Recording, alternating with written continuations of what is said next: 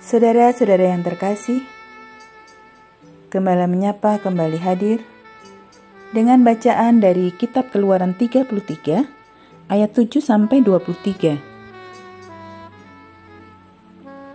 Renungan kali ini diberi judul Besti. Pada tahun 2022, kata besti menjadi sebuah sapaan yang viral dan hampir setiap hari kita dengar melalui berbagai media, bahkan juga dari orang-orang di sekitar kita. Sejatinya, sapaan ini ditujukan bagi mereka yang memiliki kedekatan secara pribadi.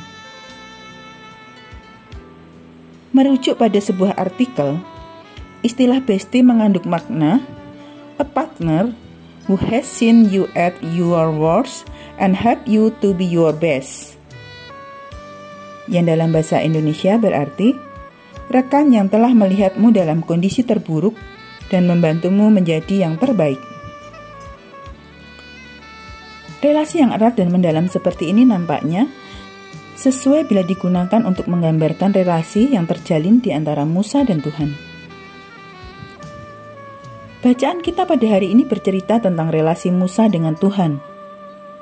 Sungguh, sebuah relasi yang akrab dan karib bukan sekedar relasi basa-basi.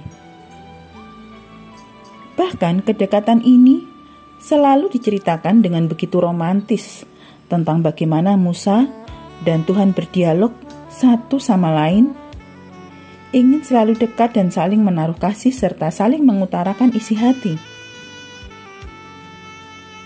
Kedekatan ini terbangun karena Musa selalu membangun komunikasi dengan Tuhan dan gemar mendengarkan kemudian melakukan apa yang Tuhan katakan. Tuhan pernah menyaksikan Musa beserta bangsa Israel menjalani titik terendah dalam kehidupan. Namun Tuhan juga selalu menyertai dan membantu Musa beserta bangsa Israel untuk terus menjadi lebih baik dari waktu ke waktu. Saudara yang terkasih, kedekatan Musa dan Tuhan tentu membuat kita berdecak kagum Relasi yang erat dan mendalam itu terjalin begitu indah dan hangat. Hingga membuat kita juga ingin memiliki hubungan yang demikian bersama dengan Tuhan. Melalui Musa, kita diingatkan bahwa relasi yang erat itu perlu dilandasi oleh sikap saling. Sebab, relasi tidak dapat tercipta bila hanya satu arah saja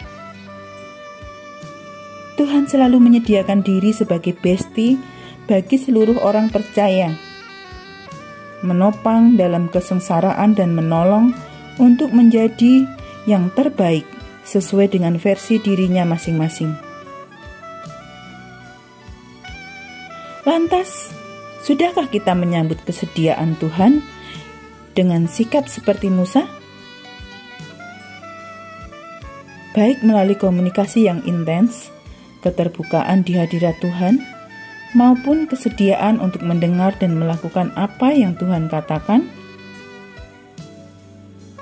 kiranya kita dimampukan untuk selalu membangun relasi yang erat dengan Tuhan. Amin.